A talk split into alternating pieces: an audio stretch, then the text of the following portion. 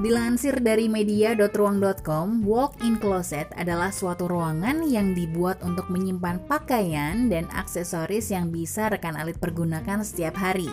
Misalnya seperti sepatu, dasi, ikat pinggang, perhiasan, dan masih banyak lagi. Walk-in closet bisa juga menjadi tempat penyimpanan barang yang biasa disimpan di lemari pakaian. Misalnya kayak spray, selimut, bahkan handuk. Nah, sebuah walk-in closet biasanya berada dekat dengan kamar mandi. Walk-in closet akan memberikan solusi penyimpanan pada penghuni rumah berupa banyaknya storage space. Nah, layaknya desain furniture yang lain, desain walk-in closet ini juga harus memperhatikan aspek keindahan dan fungsi. Di ruangan ini juga bisa menjadi tempat rekan alit untuk berpakaian dan berhias. Nah, kalau rekan alit punya rumah yang cukup luas atau ada daerah atau area lebih tepatnya ya, yang bisa dimanfaatkan, rekan alit bisa mendesain sebuah walk-in closet di rumah. Ada beberapa hal penting yang bisa rekan alit pertimbangkan saat hendak mendesain walk-in closet di rumah. Ini dia yang akan kita bahas di Belajar Omah Alit Podcast edisi hari ini. Ruangan yang akan dijadikan walk-in closet harus menjadi pertimbangan utama. Penentuan ruangan mencangkup besarnya ruangan dan di mana ruangan yang akan digunakan sebagai walk-in closet. Untuk luas ruangan biasanya disesuaikan dengan luas ruang kosong yang masih tersisa di rumah rekan alit. Sebaiknya ruangan tersebut cukup luas ya untuk menyimpan pakaian dan item-item lain, misalnya seperti dasi, sepatu, jas dan masih banyak lagi.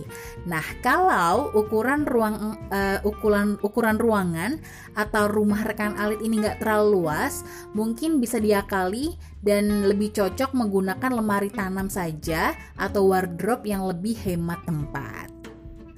Letak ruangan yang biasanya ditempatkan untuk walk-in closet adalah di dekat kamar tidur atau dekat dengan kamar mandi atau bisa juga diletakkan di ruangan yang terletak di antara kamar rekan alit dan kamar anak. Jadi ruangan ini bisa dipakai bersama.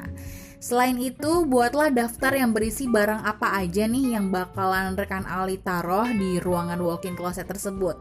Dengan daftar yang sudah dibuat, akan memudahkan desain furniture yang akan dibuat. Misalnya, rekan Alit pengen menyimpan sepatu pada ruangan ini, berarti butuh lemari khusus untuk sepatu. Atau kalau rekan Alit pengen menyimpan kaos kaki, sarung tangan, atau aksesoris rekan Alit, berarti juga perlu dibuat laci-laci tambahan di dalam lemari.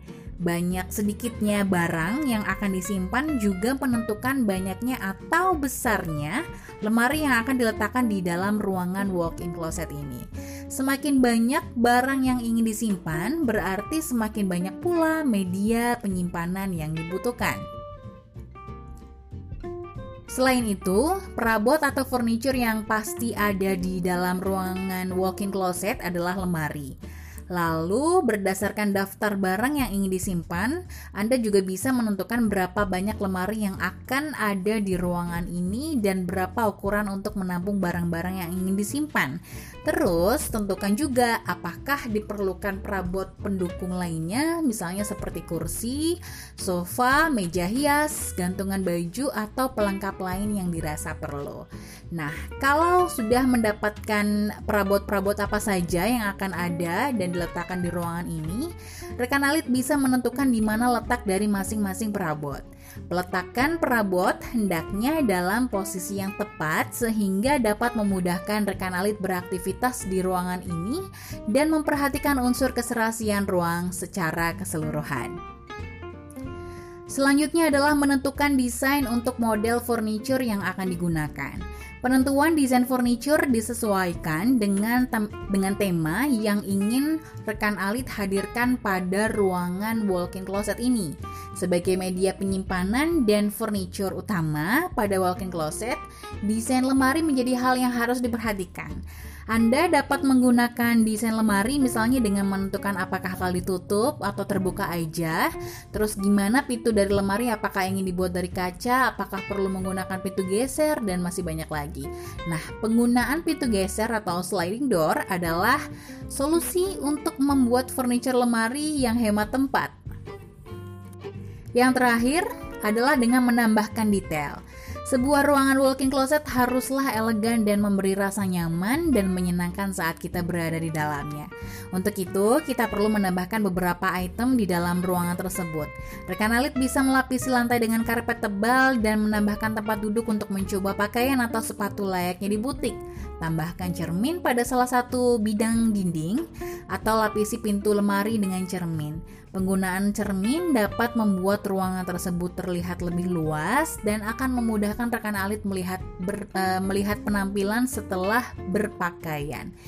Thank you sudah menyimak belajar Oma Alit podcast edisi hari ini. Semoga bermanfaat untuk rekan alit. Follow Belajar Oma Alit Podcast untuk selalu update informasi dan tips menarik seputar lifestyle, arsitektur, serta interior.